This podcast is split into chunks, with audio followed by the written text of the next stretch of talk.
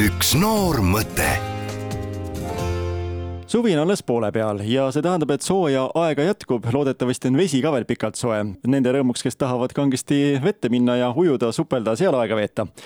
ja suvel on loomulikult üks väga tarvilik abimees, kui olete vee ääres vetelpäästja või siis rannavalvur.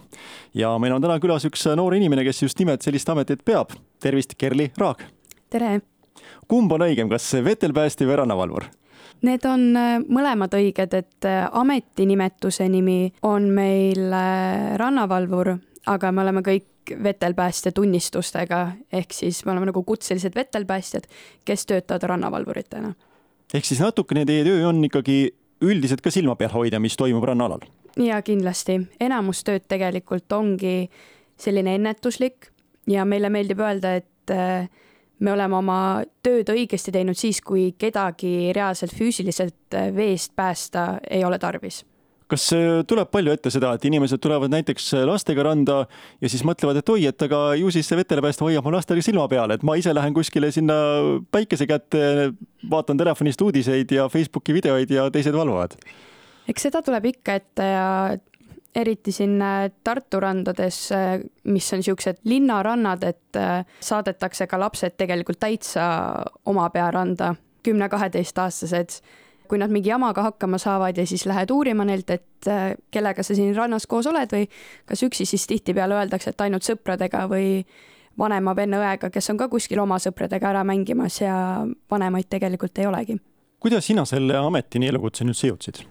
läbi tutvuste hästi hea sõbranna, kes on tegelikult minuga täpselt samal päeval sündinud, oli huvitatud sellest tööst. Ja ma olin ka sellest varasemalt kuulnud ja siis, kui meil tuli see võimalus, et me olime piisavalt vanad, et me saame tööle minna, see on siis, kui sa oled seitseteist, siis sa saad minna lapsevanema loaga tööle. ja sellel kevadel me mõtlesimegi siis koos, et äh, äkki võtaks selle teekonna ette. Ja tundub, et tundub põnev, proovime, vaatame, mis saab. Ja sobis ja praegu läheb kolmas aasta meil mõlemal mida kõike see amet nõuab, millele sa võib-olla varem ei mõelnud, hea ujumisoskus loomulikult, see teisiti ei pääse ja elustada peab ka oskama. aga mis on veel need asjad, mille peale varem võib-olla inimesed ei mõtle, aga siis selgub, et sellist omadust, oskust on ka vaja? hästi suur osa sellest on tegelikult hea suhtlemisoskus et meil olid ka igasugused psühholoogiakoolitused, kus siis õpetatigi, et kuidas äh, suhelda erinevat tüüpi inimestega, sellistega, kes äh, võib-olla kohe ei taha nõu kuulda võtta või su autoriteeti äh, omaks võtta, kuidas suhelda joobes inimestega, mida teha siis, kui tõesti on vaja keegi tema enda ja teiste turvalisuse huvides rannast minema saata. Kõik see, et kuidas käituda selleks, et et äh, rannakülastajatele jääks äh, sinust ja ka sellest asutusest äh, võimalikult positiivne ja, ja viisakas mulje. kas on endiselt kõige suurem probleem siis täpselt need purjus inimesed, kes arvavad, et nad ju oskavad küll ja, ja keegi teine ei tea midagi ja lähevad ikka vette või?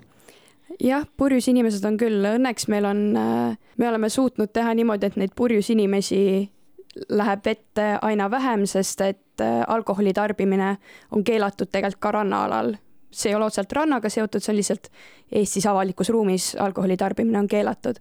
kui me juba näeme, et keegi tuleb alkoholiga randa, siis me kas saadame nad ära või kui nad ei ole jõudnud seda pudelit veel lahti teha, siis palume selle kinni hoida ja kotis ja juua seda kuskil, tarbida seda kuskil mujal ja et siis vette mitte minna. aga jah, kõige, kõige tihedamini tuleb ette selliseid äh, alkoholiga seotud äh, märkusi ja teisel kohal äh, on lihtsalt lapsed, kes on sellises vanuses, et, et nad jooksevad ja karjuvad ja hüppavad ja väga tähele ei pane, et tuleb neid ka korrale kutsuda Kerri, selles töös on üks hästi-hästi raske psühholoogiline pool. pean silmas seda, et ükskõik kui hästi sa oma tööd teed, seal võib juhtuda asju, kus sa ei saa lihtsalt mitte midagi teha. elu on täis õnnetusi, sa tood võib-olla kellegi veest välja, tema elu ei õnnestu näiteks päästa. kuidas sa noore inimesena sellise olukorraga toime tuled, et kõik siin elus polegi sinu võimuses, ükskõik kui tubli sa oled? eks see ongi keeruline ja see on selline asi, mida otseselt ei saa õppida.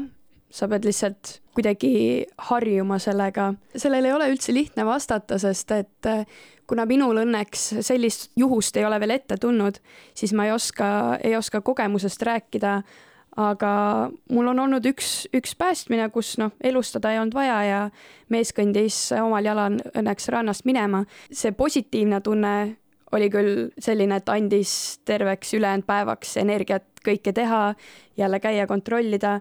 eks ikka, kui sa tagad inimesele ta turvalisuse ja selle, et teda ei ole vaja päästma minna üks hetk, et kas siis kutsud varem veest välja või üritad seda olukorda, tekkivat olukorda kuidagi muul viisil ära hoida ja nad ei saa aru sellest, et nad ikka on sellised äh, tõrksad ja võib-olla neil on piinlik, äh, kes teab et siis, kui nad on, on sinu vastu nõmedad, siis on küll selline tunne, et vahepeal arvata, et miks ma siin üldse olen, et kellelgi justkui ei oleks minust kasu.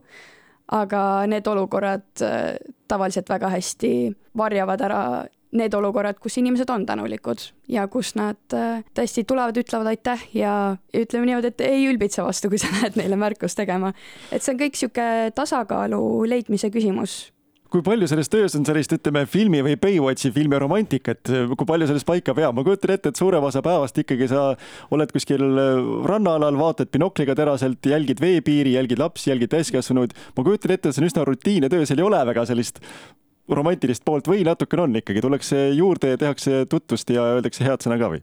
tullakse juurde, tehakse tutvust, öeldakse häid sõnu, sihuke Baywatchilik romantiline pool igapäevaselt ei ole, aga aga eks ikka, kui rannas on äh, hommikuti vähem inimesi ja me teeme oma esimest äh, rannaülevaatlust, et käime ringi, vaatame, kas kõik on korras ja siis, kui äh, keegi peale teiste rannavalvurite ei näe, siis me ikka harjutame seda Pamela Andersoni jooksu miks peaks üks noor inimene võtma endale just nimelt sellise vastutuse, sellise töö, mida sa soovitaksid enda kogemuste põhjal, sul on nüüd päris mitu suve juba neid kogemusi?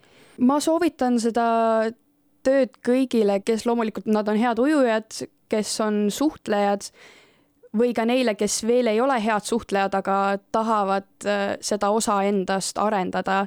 rannas töötamine on äh, üks kõige paremaid elukoole, mida ma tean, sest et äh, rand ongi läbilõige inimkonnast. sa näed ära igasugused inimesed, sinuga suheldakse igat moodi ja see lihtsalt tohutu sihuke kogemuste pagas juba kasvõi üks suvi seal töötamist et äh, kindlasti, kindlasti see on seda väärt ja inimestele, kes praegu kuulavad ja kasvõi täna lähevad ujuma, siis teadki, et rannavalvur on selleks, et teie elu hoida ja, ja vajadusele päästa, mitte teie kiusamiseks rannas. jah, täpselt.